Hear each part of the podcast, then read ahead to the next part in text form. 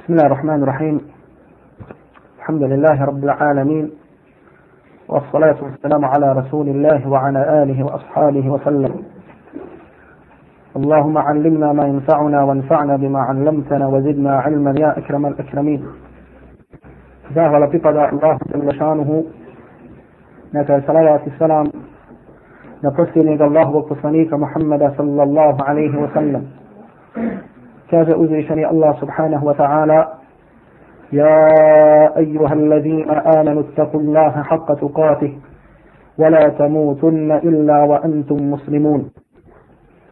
وفي كل ليرة بويتس الله جل شعره استنسكم بقبلاز نسو إن مويت أمرتي وسم كوبراي مسلمان. أمي الله سبحانه وتعالى مليم. دنا سوشني أدني. كل سبوية استنسكم بقبلاز نسو i koji će umrijeti kao pravi muslimani i koje će zateći ađel, a oni čine ono sa čim je zadovoljan njihov gospodar subhanahu wa ta'ala. Mi smo prošli put rekli na drsu da ćemo se dogovoriti vezano za temu. Pa sad sam ja vas prevario i ste vi mene.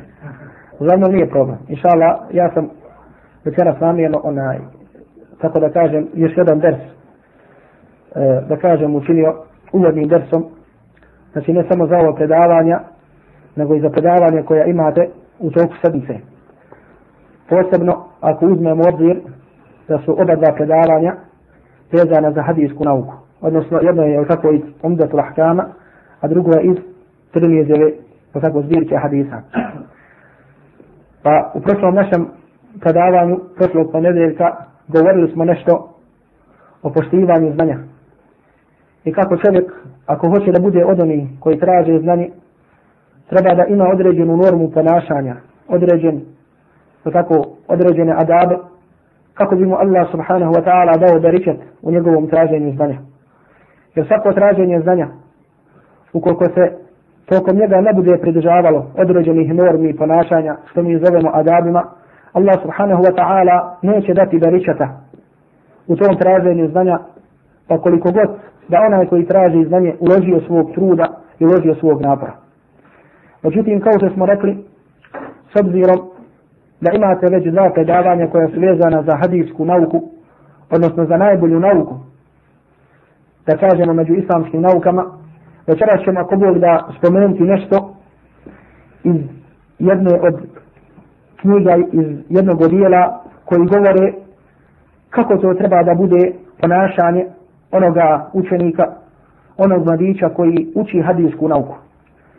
S tim što da kažemo da je hadijska nauka jedna od jedinih nauka u islamu gdje ćemo u svakom od dijela vezano za ovu nauku naći posebna poglavlja koja govore o tome kako treba da se ponaša onaj koji traži ovo znanje. Na primjer, ukoliko se vratimo na fikr, nećemo u fikskim knjigama naći posebno poglavlje gdje se govori kako treba da se ponaša jedan fakih, jedan pravnik. Također, ukoliko se vratimo na tefsirsku znanost, nećemo naći tamo u delima posebna poglavlja gdje se govori o tome kako treba da se ponaša onaj koji traži ovu nauku, onaj koji želi da bude mu fesir. Niti onaj koji uči arapski jezik, kako treba da se ponaša onaj koji treba, koji hoće da nauči arapski jezik i tako dalje. S tim što da kažemo, normalno svi oni trebaju da imaju ponašanje kako dolikuje uopšte jednome muslimanu, mladiću, koji želi, ako Bog da u svojoj budućnosti da postane alim. Međutim, radi toga što je hadijska znanost, posebna znanost, učenjaci ove znanosti su u svojim djelima spominjali posebna poglavlja gdje su govorili o vrijednosti ove nauke, o tome kako treba da se ponaša onaj koji traži ovu nauku i tako dalje. Mi ćemo također naći posebna djela, znači ne samo da se nalaze u sklopu određenih dijela ova poglavlja, nego posebna dijela koja govore o počasti onih koji traže i koji uče hadis. Tako je Al-Khatib al-Baghdadi, rahimahullahu ta'ala, poznati hafiz, onaj za kojeg se kaže hafiz al-Mashriq, hafiz istoka, napisao posebno dijelo koje je nazvao šarafu ashab al-hadis. Počast ashab al-hadisa, odnosno oni koji traže ovu nauku i koji se pridržavaju ovoga. Pa su spomenuli tu veliki broj hadisa Allahu poslanika sallallahu alaihi wa sallam i govora salafa koji govore u korist ove znanosti. Pa mi ćemo također spomenuti nešto od tih hadisa Allahovog poslanika sallallahu alaihi wa sallam i od predaja Selefa kako bi nas postakli da budemo od onih koji će učiti ovu nauku onako kako to treba da bude. A mi kažemo ovdje tako kako bi skoristili ona predavanja koja imamo kada se govori je tako bilo umdetul ahkam znači hadisi koje je spomenuo imam Bukhari, imam Muslim u svoja dva sahiha koji su vezani samo za propisa ili termizi ovu zbirku hadisa ili se govori općenito o sunnetu Allahovog poslanika sallallahu alaihi wa sallam znači sve to kako bi nas podstakli kako bi nas podstaklo na te drsove.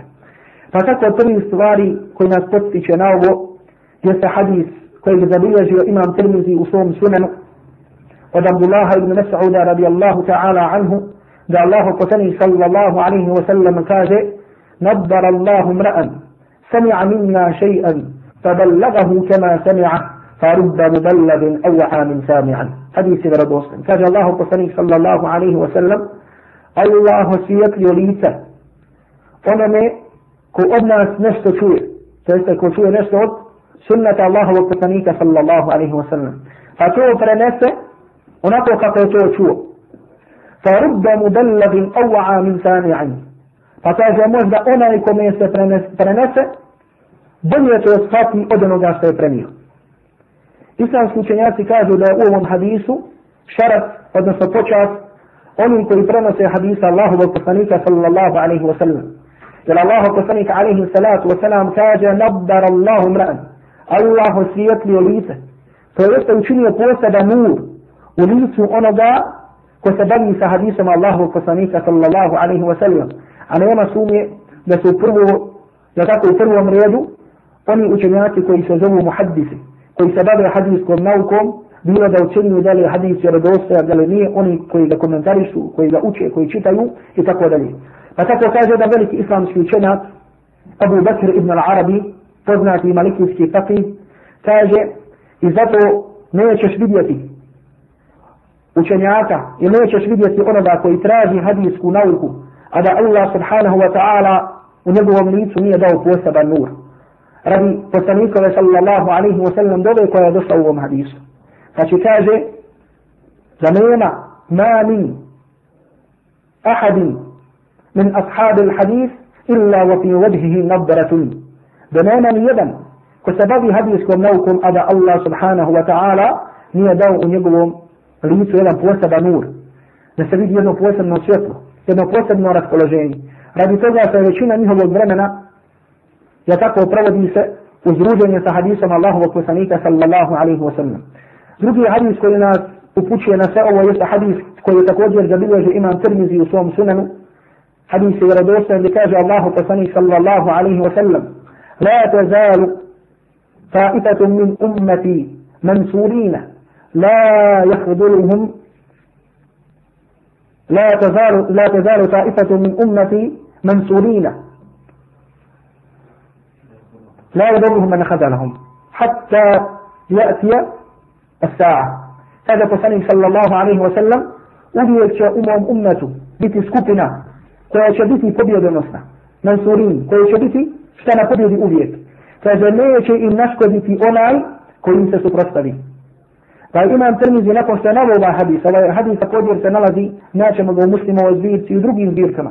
Međutim, ovdje imam Tirmizi nakon što je navio ovaj hadis, spominje riječi imama Bukharije, gdje kaže da je rekao Ali ibn Nadini, jedan od poznati muhaddisa, uč, uč, učitelja imama Bukharije, kaže hum ahlul hadis. Kaže to su učenjaci hadisa. Šta? Znači oni koje poslanik sallallahu alaihi wa sallam spomenuo da su pobjedonosna skupina, kaže Ali ibn al-Madini, jedan od prvata selefa, kaže to su učenjaci hadisa. Kaže imam Ahmed ibn Hanbal, rahmatullahi alaihi, kao što to zabilježe imam Hatim, u svom dijelu Ulumu al-Hadis, da kaže Imam Ahmed, in lam yakunu ahlu al-hadisi fala adri man hum. Kaže, ako ova pobjedonosna skupina, ako to nisu učenjaci hadisa, pa ja ne znam ko su onda oni. Ako ta skupina nisu učenjaci hadisa, onda ne znam ko su oni. Kaže Imam Ahmed rahmatullahi alaihi. To jeste, mi kažemo ako nisu odani koji se interesuju i žele da nauče hadis Allahovog poslanika sallallahu alaihi wa sallam, a ne mogu da budu pobjedonosna skupina.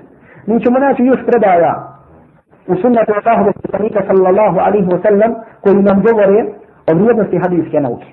Međutim, uvijek kada spomenemo riječi šeho Islama ibn Taymiye rahmatullahi alaihi koji kaže, kaže položaj učenjaka hadisa u odnosu na druge učenjake, kaže jeste kao položaj muslimana ili pripadnika Islama u odnosu na druge vjere. Znači šta položaj oni učenjaka, među drugim učenjacima, koji se posebno interesuju za hadis Allahovog poslanika sallallahu alaihi wa sallam, šta? Njihovo mjesto u odnosu na njih jeste kao mjesto pripadnika Islama u odnosu na druge vjere. Jer zato, draga braćo, naćemo u istoriji Islama, da je bilo učenjaka koji su bili toliko, da kažemo mutaasibi, toliko su bili strastveni za određen mezheb, za određen pravac, da su jasno odbijali hadisa Allahovog poslanika sallallahu alaihi wa sallam, radi šta? Radi govora njegovog imama.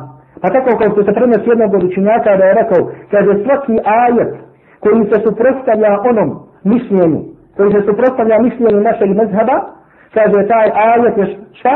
Taj ajet je derogiran. Ili kaže svaki hadis koji se suprotstavlja također mišljenju našeg mezheba, pa makar bio jesan ko dan, kaže taj, had, taj hadis je ili također derogiran ili potpuno pogrešno svačan. I toliko je da kažemo otišlo to ta privrženost za određena mišljenja, za određene pravne škole, da su čak, čak nažalost određeni učinjaci svojim dijelima spominjali meselu, da kada dođe Isa alaihi salam i da kada dođe Mehdi, po kojem će mezhebu suditi. Pa kažu Hanefije sudit će po Hanefijskom mezhebu. Kažu Šafije sudit će po Šafijskom mezhebu. Ovi kažu sudit će po ovom mezhebu i tako dalje. Uglavnom nešto je do rasprave da li, odnosno po kojem će mezhebu da sudi. I još da kažemo da li je osim od svega ovoga, da se također u istinu spominje u nekim djelima, da li je dozvoljeno da kažemo da žena ili djevojka, na primjer i šafijskog mezheba, da se uda za momka koji je hanefijskog mezheba. Pa kažu, kažu, osnovi nije dozvoljeno. Međutim, analogno, Kaže šta, nije dozvoljeno mladiću iz našeg mezheba, na primjer iz hanefijskog, da oženi neku djevojku iz šafijskog mezheba. Međutim, kaže analogno, da on može da oženi kršćanku, da oženi kitabiku, kažemo da može da oženi šta djevojku koja iz drugog mezheba. Znači ne uopćali, nego analogijom su došli do tog mišljenja da do toga može. I zato vidimo šta, znači koliko su otišli, da kažemo koliko su bili strastveni za određena mišljenja, za određene pravne škole i tako dalje. Međutim, dok u isto vrijeme vidimo učenjake hadisa, oni koji su, da kažemo, potpuno očitelili, koji su rekli, mi ćemo raditi po onome što smo čuli da nam je došlo od sunnata Allahovog poslanika sallallahu alaihi wa sallam. Pa kao što je došlo u hadisu, koji je zabilježio Al-Qamud Abdullah, koji je zabilježio Imam Ahmed i četvorica sakupljača sunena od Abdullah ibn Mas'uda radijallahu ta'ala anhu. Da je došao čovjek Abdullah ibn Mas'udu i rekao mu o Abdullah ibn Mas'ud. Kaže jedna žena te iz našeg naroda udala za čovjeka. A on joj prilikom akta vjenčanja nije odredio mehr. Niti je sa njom imao pojedni odnos i nakon toga je umro. Šta očekuje tu ženu? To jeste da li joj pripada mehr, da li treba da ima išak i tako dalje. Znači šta se desilo? Nije joj odredio mehr. Jer to kad se desi, na primjer, da čovjek ženi, da oženi ženu i u aktu vjenčanja odredi mehr i posle toga umre, po jednom glasnom mišljenju, ona uzima taj mehr. Iako nije sanjao mimo polni odnos. Međutim, ukoliko se desi da, sa, da čovjek oženi ženu, nije, sanjao, nije joj odredio mehr u aktu vjenčanja, niti je sanjao imao polni odnos i umro. Da li ta žena uopšte ima ibdet, da li ta žena ima pravo na nasljedstvo i koliko ima pravo na mehr. Pa je u tome se izabilježi imam hakim u svom mustadraku, rekao Abdullah ibn Mas'ud. Kaže, e od kako se napustio Allahu od poslanika sallallahu alaihi wa sallam, nije mi došlo teže pitanje od ovoga. Rekao, idite i pitajte nekoga drugog. Pa su mi ljudi tražili, tražili, tražili, nisu mogli nikoga da nađu. I opet su došli Abdullah ibn Mas'ud nakon mjesec dana i rekli su mu, u Abdullah ibn Mas'ud, ti si taj koji si se bratilio sa ashabima Allahovog poslanika, ti si taj koji si bio za Allahovog poslanika, alaihi salatu wasalam, pa presudi nam po ovom pitanju. Pa kaže Abdullah ibn Mas'ud, ono što ću vam presuditi jeste moje mišljenje. To jeste ne znam zato je tekst. I sunnet Allahovog poslanika sallallahu alaihi wasallam. Pa kaže Abdullah ibn Mas'ud, kaže ova žena ima pravo da naslijedi svog muža. I ova žena šta ima izdet, Ja tako čekat će tri mjesečna prava. E, pranja. I ova žena također ima pravo na mehr. Na vjenčani dar žena poput nje. Nešto što se u pravu zove mehr, mehr misl. To tako. Znači žena poput nje. Znači nije je određen, međutim pita će svoje komisijnice, žene popne, koliko je bio njihov mehr, toliko isto će se njoj i dati. I to je presudio Abdullah bin Mas'ud radijallahu ta'ala anhu. Tako toga je došao ashab, jedan od ashaba koji se zvao Ma'qil ibn Sinan al-Ashja'i, radijallahu ta'ala anhu. I rekao je, svjedočite da sam ja bio svjedok da je Allah poslanih sallallahu alaihi wa sallam presudio isto ovako kao što je presudio Abdullah ibn Mas'ud. Da je šta? Allahu poslanik alaihi salatu wasalam presudio isto ovako kao što je presudio Abdullah ibn Mas'ud.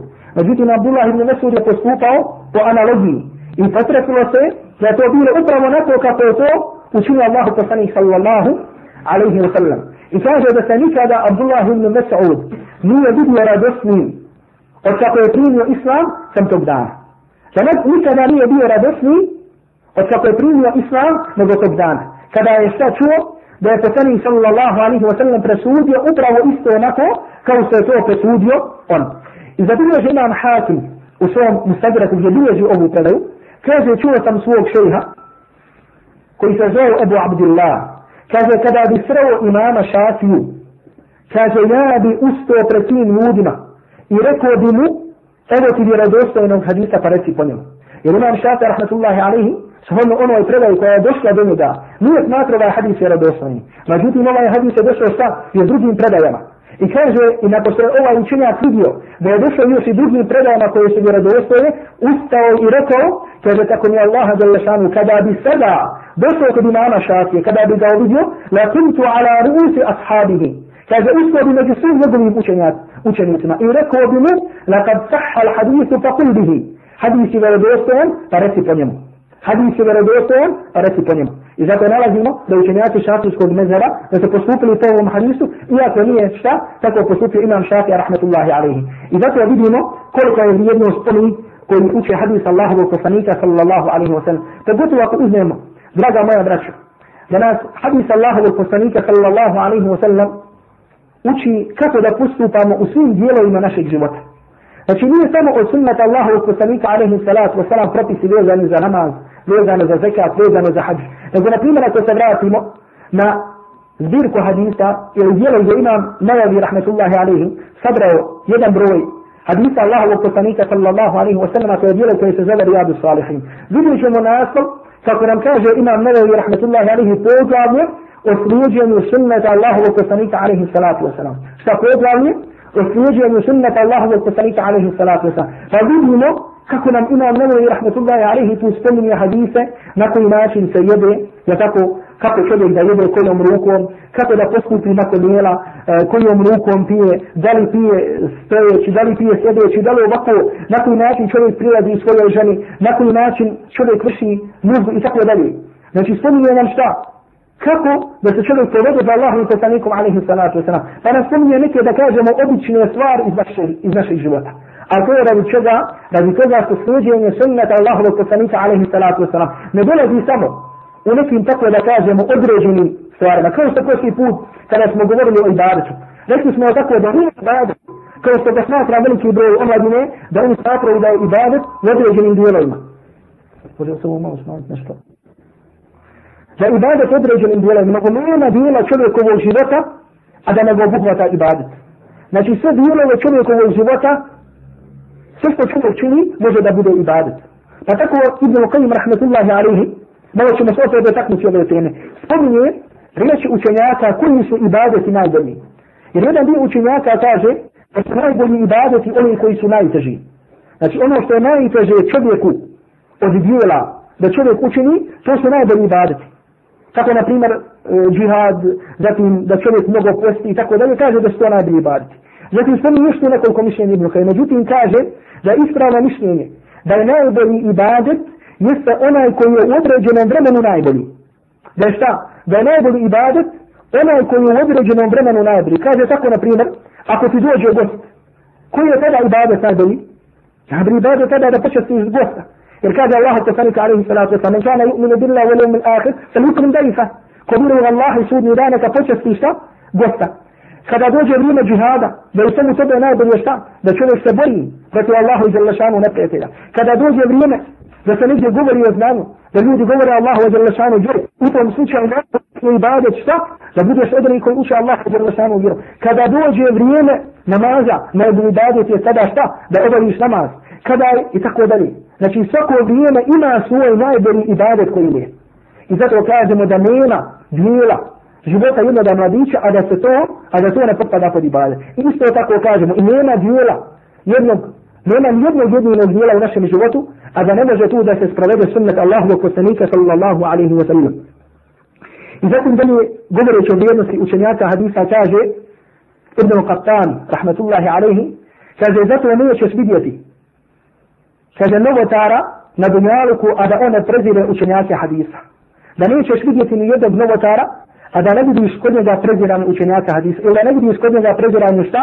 kada se kaže, kaže Allahu poslani, kada se kaže, kaže učenjaci vezano za ovaj hadis, kaže vezano za ovaj hadis i tako dalje. Jer učenjaci hadisa prethodno je bilo smatrano da onaj ko govori o ulemi, da se sumnja u njegov islam. Kao što je rekao Jahja ibn Ma'in, kada je jedne prilike spomenut Hamad ibn Salama. أحمد بن سلمة بيو جلكي وشنعك سلفة يبيو جلكي محدثة يحيى بن معين يتكوج يريد أن يشق التزنتي محدثة الكاز يتدى يحيى بن معين إلى أحمد بن محمد بسطان تلمليون حديث الله وكسانيك صلى الله عليه وسلم. إكاز يحيى بن معين كاز إذا رأيت رجلا يقع في إكرمة وحماد بن سلمة فاتهمه على الإسلام. كاز تبادده الشبكة دا جوري برت الإكرمة إذا جوري برت حماد بن سلمة kada reci ili posljednja ili njegov islam. Kada reci da li je tvoj islam u redu, ili si ti možda novatar, ili si ti možda nevjerni koji je ušao islam, da govoriš protiv islamske uleme. I zato, je, draga brać, ovdje ponovno se vraćamo na to, da je govor o ulemi i govor protiv uleme da je ne od najvećih griha općenito. Da ne ima jedan od najvećih griha, mi znamo kako šta da je to ogovaranje. A veći od svega toga jeste da čovjek ogovara učenjake. I zato vidjeli smo ovdje prethodno šta? Kolika je vrijednost i kolika je počast učenjaka hadisa. I kolika je tako da kažemo koliko su poniženi oni koji govore ovaj učenjak faki, ovaj učenjak faki i tako dalje. I jel, sada ćemo ovdje spomenuti neke od normi ponašanja koje treba i da se nađu, znači bilo kada je u pitanju predavanje, bilo kada je u pitanju e, kako da se čovjek ponaša na predavanju, kako da čovjek e, dođe na predavanje, kako da čovjek ode sa predavanje i tako dalje. Jer već smo. I to da treba ponavljati, da neće Allah djelešanu dati baričeta, koliko god da čovjek uloži napor, osim ukoliko tu ne bude određenih normi ponašanja koje su bile prethodno kod prvih učenjaka. I zato, na primjer, kao što smo spomenuli prošli put, znači nije, nisu te norme ne dolaze radi onoga koji govori. Da sad čovjek kaže, eh, ja sada govorim, ja sad držim predavanje, da je sada to šta radi mene. Ne, nego nije ovo kada govorimo, govorimo radi onoga radi čega se govori. A to je ili ajet iz Allaha subhanahu wa ta'ala knjige, ili sunnata Allahovog poslanika sallallahu alaihi wa sallam. I zato zamislite, draga braću, da dođe i da govori Allahu poslanik sallallahu alaihi wasallam. Bili čovjek sedio tako da kažem u nekakvom opuštenom položaju, da pruži svoje noge, da kažemo da e, priča na telefon, da piše poruke i tako dalje. Tako sigurno ne bi. Mi sad govorimo, nije tu Allahu poslanik sallallahu alaihi wa sallam, međutim govori se hadisma Allahu poslanika sallallahu alaihi wa sallam, govori se Allahu subhanahu wa ta'ala knjizi, spominje se učenjaci salaha i tako dalje. I zato moraju ove norme da se nađu ukoliko hoćemo da Allah je lešanu da da ričeta u našem traženju znanja. To je prvi stvari koje mora da se nađe kod čovjeka koji, kod mladića koji hoće da uči znanje. Koji želi da nauči nešto o svojoj vjeri. Prva i osnovna stvar, kao što je to prva i osnovna stvar za sve stvari, to je al-ihlas. Iskrenost prema Allahu subhanahu wa ta'ala. Prvo je šta? Kao u svim drugim stvarima. Iskrenost prema Allahu subhanahu wa ta'ala. A definicija iskrenosti, ihlasa naćemo koliko god hoćemo. Ibn Qayyim rahmetullahi alaihi spominje nekoliko takvih definicija u svom dijelu Medariđu Salikin. Stepenovi, je tako, duhovnog izdizanja, kako smo rekli. Jedna od da kaže da je ihlas alla tatluba ala amalike šahidan gajra Allah. Kaže da je iskrenost da za svoje djelo ne tražiš drugog svjedoka osim Allaha subhanahu wa ta'ala. Da ne tražiš šta? Da svjedok tvom djelu kojeg učiniš bude neko drugim osim Allaha subhanahu wa ta'ala. Nego da ti bude dovoljno jedino to što je Allah jel našanhu obaviješten onome što ti radiš.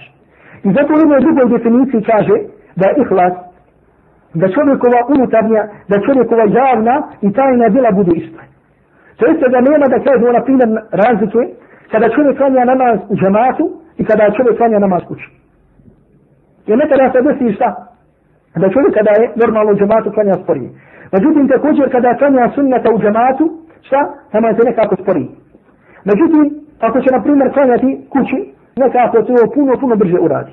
Na primjer, dva nekad čovjek tako probudi se, spava, ono će da klanja sabah, otklanja oni dva rekata sabaha, i to većini slučaja bude možda samo farz, ne pita nikoga kakva je to bila brzina.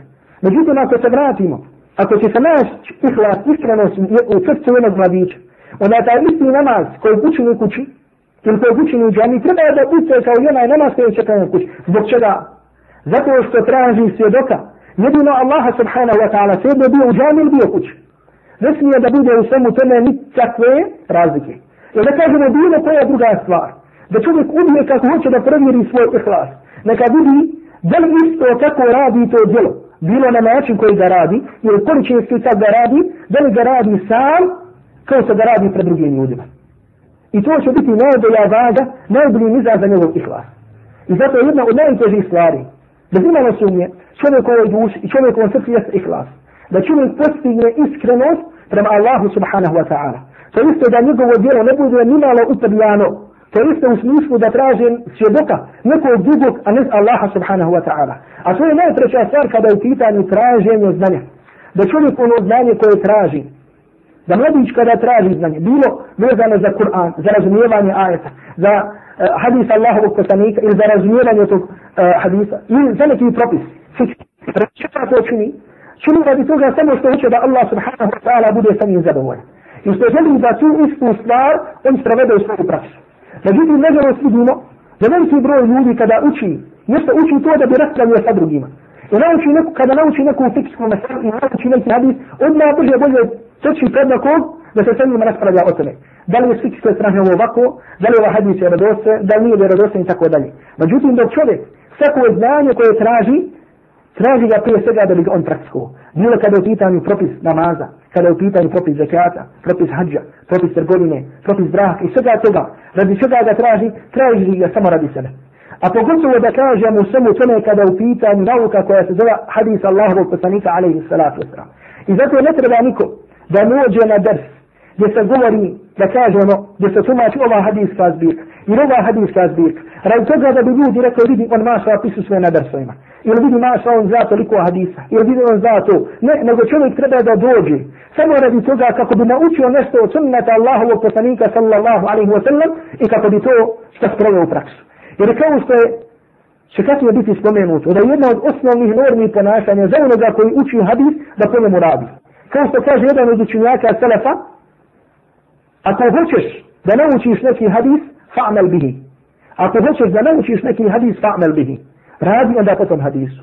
I onda će ti lakše ostati u svojoj glavi. I zato, draga braćo, mi se čudimo kako su prvaci ovog ummeta, kako je salaf ovog ummeta, kako su sve znali po nekoliko hiljada hadisa. Kako imam Ahmed ibn Hanbal i Jahja ibn Ma'in, kako su znali milion hadisa. Zamislite milion hadisa Allahu wa poslanika sallallahu alaihi wa sallam. Normalno to kad razumije sve rivajete koji jedan hadis može da ima. I na primjer imamo nekada jedan tekst hadisa, međutim kažemo šta prenosi ga Abu Dawud, prenosi ga Tirmizi, prenosi ga Buhari, prenosi ga Muslim. Znači svaki od njih je prenosi sa posebnim lance prenosiota ili približnim lance prenosiota. I imam Ahmed ibn Hanbala, rahmetullahi alihi, je tako je znao milion hadisa Allahovog poslanika sallallahu alihi wa sallam. Međutim, sigurno da je mnogo olakšavajuće bilo tu Zato što su oni radili po, po tome. Pa ako nauči, na primjer, hadis, koji je mnogom da uđe u WC, ja tako, odmah radi po tome. Ako nauči kojom rukom da jede, odmah radi po tome. Ako nauči vrijednost namada u džematu, odmah radi po tome. I sam sebe opominje kada mu dođe ljenost, da je vrijednost namada u džematu tolika je tolika. Znači kada ti dođe ljenost, onda moraš biti alim sam sebi. Onda moraš biti dalija sam sebi da kažeš, eh, onaj hadis koji znaš, da kaže Allahu poslanik sallallahu alaihi wa sallam da namaz u džematu vrijedni od onoga koji klanja sam 25 ili kao što je došlo do 27 puta. Znači ovdje su u ovoj situaciji najteći da poslušaš i da postaviš u sabo sebe.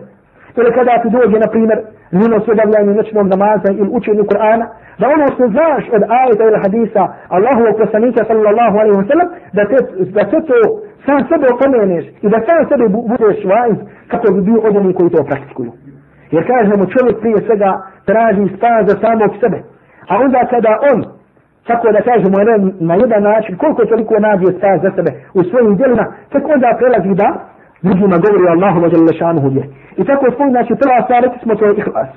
I prenosi se da je rekao također Hamad ibn Salama, man talaba al hadisa li gajri Allahi mukira bihi.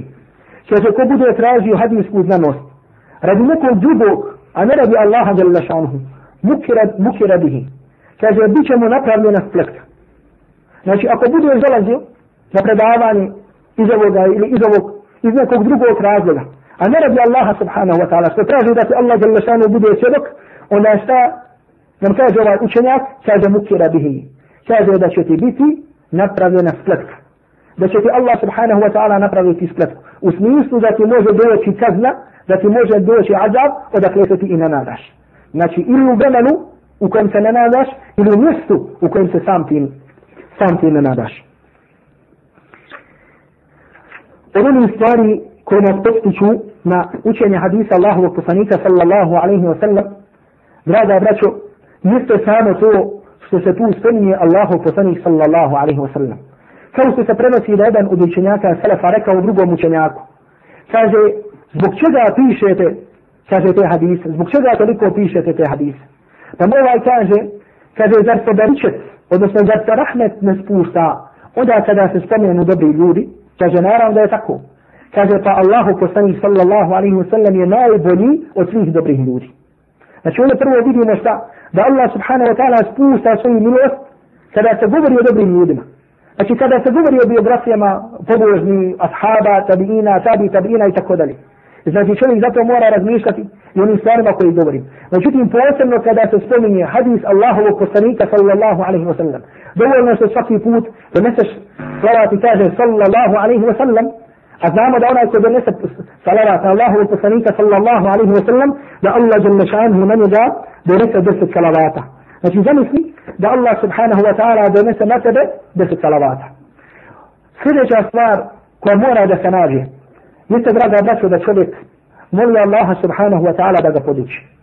Znači da nikada ni u kom slučaju da se ne osloni na svoju inteligenciju i da kaže ja sam mašla pametan, ja razmišljam, ja kontam, kad čujem hadis zapamti ga i tako dalje. Ni u kom slučaju. Nego uvijek čovjek mora da dovi Allahu subhanahu wa ta'ala da ga podiči. Da mu podari znanje. Jer Allah subhanahu wa ta'ala kaže وَتَّقُ اللَّهُ وَيُعَلِّمُكُمُ اللَّهُ i bojite se Allaha pa će vas Allah podučiti. Šta? I bojite se Allaha, pa će vas Allah podučiti. Znači, ko je ovdje taj koji poduči, podučava? To je Allah subhanahu wa ta'ala. I zar Allah zalašanu nije najtreći da se od njega traži, šta? Da se od njega traži to znanje. Međutim, da Allah Đalešanu opet se neka se čovjek, jer da kažemo i bilo kad nam primjer uči ove druge nauke koje vi učite na fakultetu, nekada se čovjek ostani na samog sebe. Međutim, dok vidimo I kao što, vidi, kao što ćemo vidjeti praktično, također ćemo vidjeti do prvih generacija.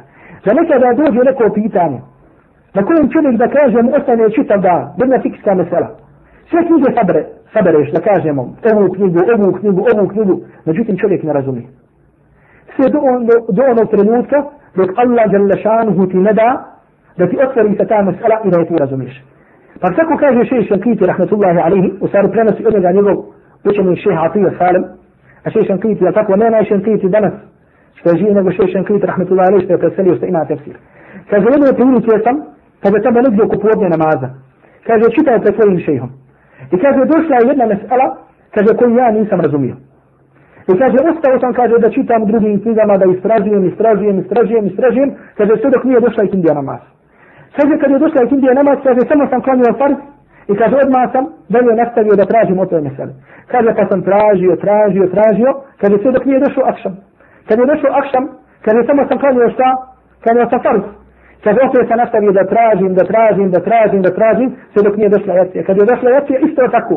Kažem da sam sebe napravio čaj, kaže, ostao tako da tražim, da tražim, su meselu, sve do sabah namaza.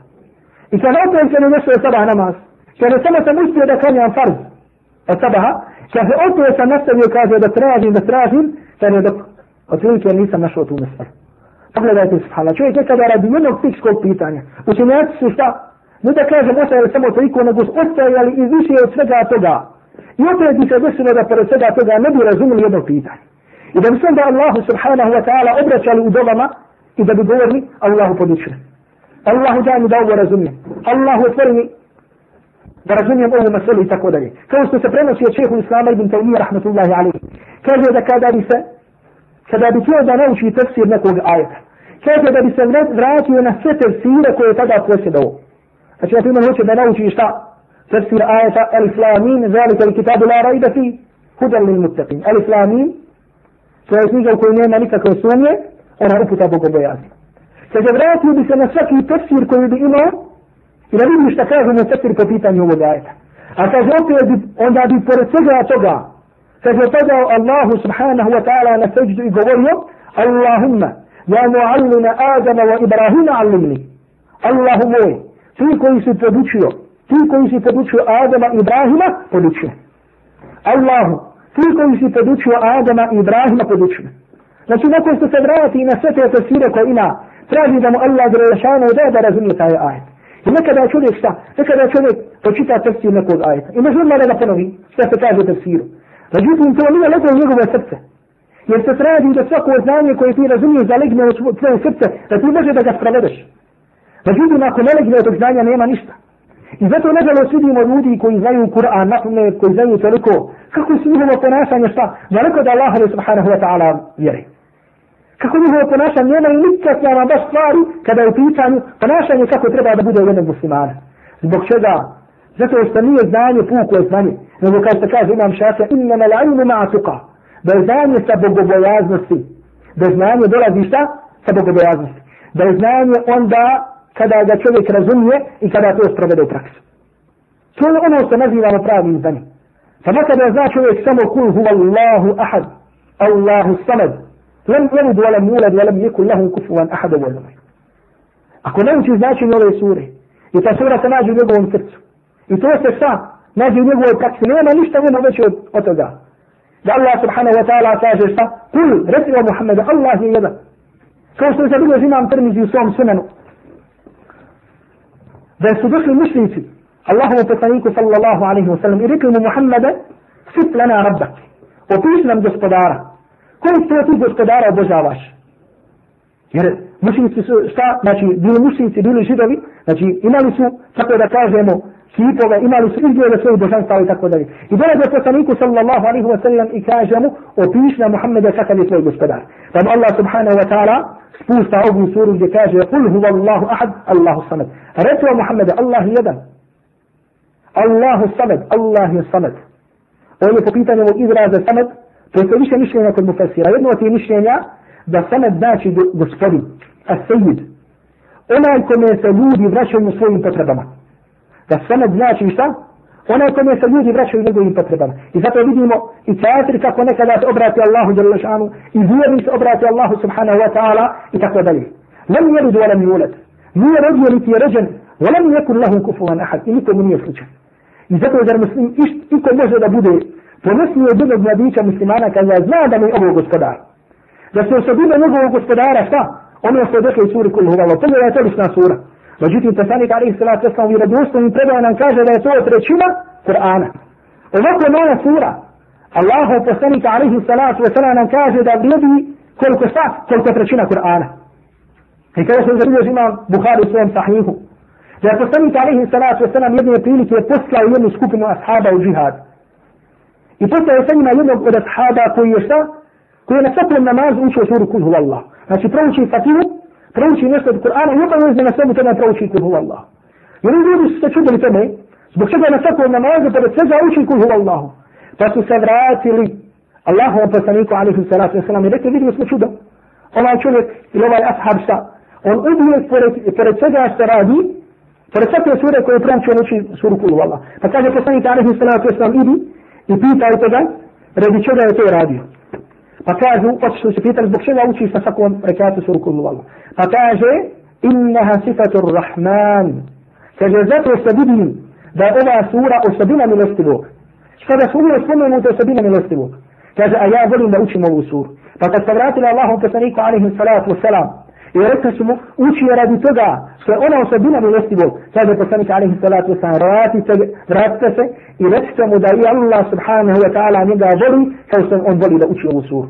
vratite se wa ahbiruhu anna Allaha yuhaddu, da ga Allah voli kao što on voli da uči šta ovu suru i zato vidimo subhanallah nekada jedan mali ajet kratki ajet koliko može draga braćo da ostavi traga u, u srcu i tako da kažemo to na djelima jednog mladića Zatim ćemo također naći kako su islamski učenjaci mnogo, mnogo putovali kako bi došli do znanja.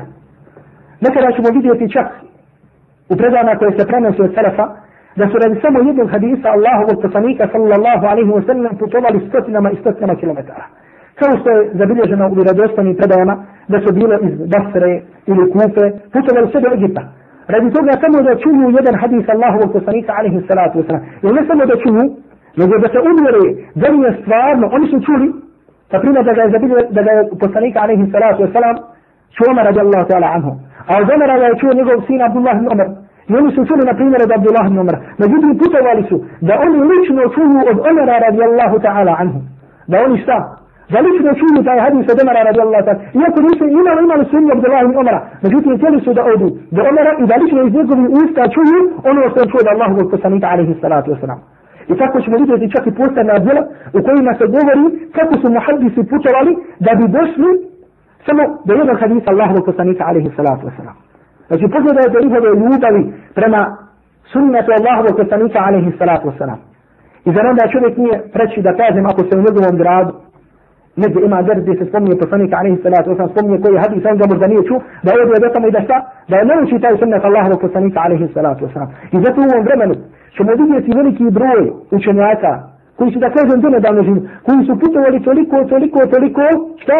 Da bi došli tamo na određeno mjesto da traže znanje. Pogotovo sunnet Allahovog poslanika alaihi salatu wasalam. Pa tako spomenut ćemo primjer jednoga savremenog učenjaka mi nedavno preselio šeha Hamad, Hamad al-Ansari, rahmetullahi alaihi. Šeha Hamad al-Ansari je porijeklom iz Afrike, iz države koja se zove Mali. Samo je tako kod obale slonovače. Ima ona država koja se zove Mali. Ja tako u tom vremenu, kada je živio šeha Hamad al-Ansari, bilo je još uvijek bilo, bila su auta, bili su prevozi i tako dalje. Međutim, oni, tada je normalno u toj državi nije bilo, ili u njihovom gradu, u njihovom selu nije bilo auta, nije bilo ovaj kamijena i tako dalje, nego su krenuli pješke. A zamijetili su da dođu do Medine, znači do grada Allahovog poslanika, alaihi salatu wasalam, kako bi tamo tražili za njih. I kaže Šehamad Ansari, kaže, išli smo pješke, išli smo pješke, pješke, pješke, i kaže, dok nismo došli u jednu kasabu, kaže, gdje sam ugledao kamion. Kaže, to je bilo prvi put u životu da šta? Da vidim kamion. Kaže, ja sam mislio da je to neka vrsta magareta. Da je to određena vrsta magareta. Međutim, kaže, bilo mu je, bilo curio ulje. Kaže, rekao sam, subhanallah, kako je ovo magarat? Kaže, mokra će mu crna. Kaže, ba nikada do sada nisam vidio. Ali kaže, hajde, sve to ima na dunjalku, to može i tako da bude. Međutim, kaže, kasnije smo vidjeli da to nije bio magarat, nego je to bio kamion. I kaže, krenuli smo tako, i kaže, došli smo također, kaže, u jednu kasabu, Šeha Ahmad Ansari je prije nekoliko godina preselio. Kaže, došli smo u jednu kasabu i rekli su nam da ćemo posjesti u nekom jel, hotelu. I kaže, mi smo tamo otišli, je tako, u našu sebu. I sad, kaže, ja sam htio da oprem svoje haljune. I kaže, upravo sam svoje haljune i kaže, htio sam sada da ih osušim. Kaže, pogledao sam, jel tako, jedan prozor i vidio sam, kaže, nekakve žice. Kaže, imaju do prozora. Kad ja sam mislio da su to šta, da je to mjesto gdje se onaj okać odjeća. Kaže, kada sam uđeo na mokru odjeću na doće, što vidio sam nešto je tuklo, nešto je počelo da gori i tako dalje. Poslije se uspostavilo što je sve bilo žice od struje. Ona mislio šta da je to, znači je tako ono što mi zovemo štrik, gdje se ova okači odjeća. I kaže, zato je pored toga toga, kaže, nastavili smo šta? I sve dok nisu došli do grada Allahovog poslanika, alaihi salatu. Međutim, vidimo šta? Da smo imali pješke da idu iz Mali. Možemo kako da se vratimo na kartu Afrike i da vidimo gdje tamo ispod Mauritanije kod odale slovo, znači ima jedna mala država Mali, stvarno malo poveća. I da sve da se teške naumili šta, da dođe do Medina Allahovog poslanika alihi salatu wasalam, samo radi čega, samo radi ilma. Znači ne subhana kao što danas čovjek će prijeći, hop, jer danas pre nekoliko, jedan brat kaže, ja ću malo je žić da se ženim. Maša Allah. Znači ide u malo je samo muhajem radi toga da se oženi. Iz Amerike je mani je tijelo što u Bosnu, ne može da se oženi. Mislim, kaže, Pa u Maleziji tamo mašala i maj kaže iz Amerike od u Maleziji Muhammed da ožene. Znači vidimo spala, normalno kažemo da je nešto pokuđen, međutim ljudi kako, kada je pitanje neka potreba njihova dunjaliska, ali kako će toliko otići? Međutim, nažalost, primjere, kada je pitanje znanje i kada je pitanje požrtvovanost, radi traženja znanja, vidimo samo kod Selefa. Ili malo da možemo danas vidjeti kod naših, kod generacije naše omladine, jednu toliku požrtvovanost kada je u pitanju traženja znanja. Kada je u pitanju da razumiju što je znanje Allahovog poslanika sallallahu alaihi wa sallam. Je draga braćo, ima li to išta što nas može izvući iz zabluda, da kažemo istnina u kojima živi, da kažemo srce jednog mladića danas u ovom fitnetu, ukoliko to nije sunnet Allahovog poslanika alaihi salatu wa sallam. Jedan mladić kada se oženi, I ukoliko u njegovom bračnom životu ne bude sunneta Allahovog poslanika alaihi salatu wa sallam, ne može taj mladić da se nada, nada da ričet u svom životu. Jer shodno koliko ima praktikovanja Islama, shodno kolika je pokornost Allahu subhanahu wa ta'ala u jednom braku, toliko će Allah subhanahu wa ta'ala dati da ričet u istom takvom braku. Međutim, mi danas nažalost mislimo da ljudi traže sreću ili baričet u nekim drugim stvarima, a ne u pokornosti prema Allahu subhanahu wa ta'ala. I zato malo ćemo vidjeti da jedan mladić da se istinski interesuje, da njegova žena nauči Allahu jalla šanhu bih. Da se trudi da zaista njegova žena nauči sunnet, Kur'an i sunnet onako kako to treba. Da njegova djeca nauči i tako dalje. Nego uvijek čovjek kaže, eh, moram raditi, imam posla za dunjalkom i tako dalje. Međutim, poslušajte što Allah subhanahu wa ta'ala kaže, kaže, وَأْمُرْ أَهْلَكَ بِالصَّلَاةِ واستبر عليها لا نسألك رزقا نحن نرزقك والعاقبة للتقوى kaže naredi svojoj porodici obavljanje namaza i sabiraj sa njima. Znači šta? Nakon što narediš porodici obavljanje namaza, sa njima. I da Allah subhanahu, zbog čega zato se može da dođe određeni poteškoća. I da Allah zelo šanu kaže, la nas'aluke rizqa. Mi te ne pitamo za rizk. Nahnu narzukuke. Mi ti dajemo rizk. Wal aqibatu lit taqwa. A kaže ishod pripada bogobojasi. Svi učenjaci su zastali kod ovog ajeta. I rekli subhanallah, Allah za lešanu prvo je naredio šta ovom čovjeku? Da naredi svoje porodici namaz. Zatim da sabira šta sa njima. A zatim Allah subhanahu wa ta'ala kaže mi ti obskrbu dajemo. Pa za nam nije poznato da Allah za lešanu daje obskrbu čovjeku, jeste. Međutim kažu da onda kada se čovjek posveti i kada njegov život bude is, ispunjen pokornosti prema Allahu subhanahu wa ta'ala, Allah za lešanu će mu posebno dati rizik da mu dođe odakle se oni ne nada. I zato čovjek u svom, ponovo kažemo, bračnom životu, ako se istinski osnovi نا الله سبحانه وتعالى. الله جل شأنه شمدتي رزق. ذا سنسكير عن تنجا ايسو تاكو ينا جنا. ينا سسرة ينا ديوويكا سرى ذا سبورا ذا كاجمو ذا سوى لأنا سيارك الله سبحانه وتعالى. نريدو كي تدخل سنة الله وقتصنيك عليه الصلاة والسلام. قلت أنا قيمة ذا كاجة قتصنيك عليه الصلاة والسلام. ذا جنا نسمي ذا تستي وكل كل مين موز بريسو تم أسم نزنكم ودزولو Da žena ne smije da ako hoće da izađe u džaniju, da treba da pita svog muža. A što znači da je preče ako hoće negdje drugo, van džanije također da traži dozvolu, da traži od svog muža, muža koliko hoće da izađe. Međutim, mi danas, nažalost, susrećemo se sa problemima puno veći od ovoga. Dođe čovjek i pita, kaže, žena mi pobjegla, treba mi joj platiti nahr ili ne treba. Ne kaže, žena otišla, bez izvena, nego kaže, žena mi pobjegla, kaže, sam nisam bio kuće, ona došla s babom, otičala kuću, uzela svoje stvari, uzela diplom, kaže, otišla. I kaže, da li se treba da joj isplatim mehr, ili ne trebam da joj isplatim mehr. Znači, vidimo, nema ovdje onoga, da kada Allah subhanahu wa ta'ala kaže da je žena kao ko bude razvedena, ukoliko je njen muž razveden, da treba da ta idda provodi u kući svog muža. Jer Allah subhanahu wa ta'ala kaže, la tukriđuhunna min bujutihinna, wala jahruđna. I nemojte istjerivati iz njihovih domova, niti da one i tako izlaze. Jer žena, ako je razvedena, treba taj iddet, taj određeni period, mora da ga provodi u kući svoga muža. Međutim, mi danas nažalost vidimo stvari koje su puno veće od ovoga. I zato kažemo, ukoliko poslanik sallallahu alaihi wa sallam nam ne bude taj koji je muallim, koji nas podučaje, neće Allah subhanahu wa ta'ala dati baričet u životu jednog mladića, jedne djevojke. Jer dosta puta čovjek misli, hajde samo da se oženim, daj da se oženim, daj da se oženim, daj da se oženim, misli da će svi njegovi problemi biti riješeni. Međutim, desi se onda da kada se oženi, da onda počinje njegov život da bude džahannam na dunjalku. Allah zelo šanu da sačuva od toga da se mladić oženi, da se djevojka uda i da tek onda da kažemo šta, da njihov život počinje da liči na jedan džahannam na dunjavuku kao što kaže, opis, kada opisiva tako, kaže jedan broj islamskih učenjaka. Nego čak vidimo i u svemu tome da je opet osnova svega toga pokornost i bogobojaznost kama Allahu subhanahu wa ta'ala. Kao što je došlo prehodom ajetu gdje Allah djelašan kaže, wala aqidatu li taqwa, a isto pripada bogobojazni. I zato vidimo kako Allah subhanahu wa ta'ala kada spominje nam propise, o braku, kada nam spominje, spominje propise o razvodu braka, spominje nas da je sve to radi njega i kaže tilka hududu Allahi fa la ta'taduha, to su Allahove granice, pa i nemojte prelaziti. Pa ukoliko se vratimo na suru Bekara, vidjet ćemo tamo šta, spominje sa tri stranice i ne više propisa razvoda braka. Pa nam onda dolazi ajde gdje Allah zelo šanu kaže hafidu ala salavati wa salati usta. Čuvajte sve namaze, posebno i kindiju namaz. I ne ponovo nam Allah zelo šanu nastavlja da govori o propisima razvoda braka.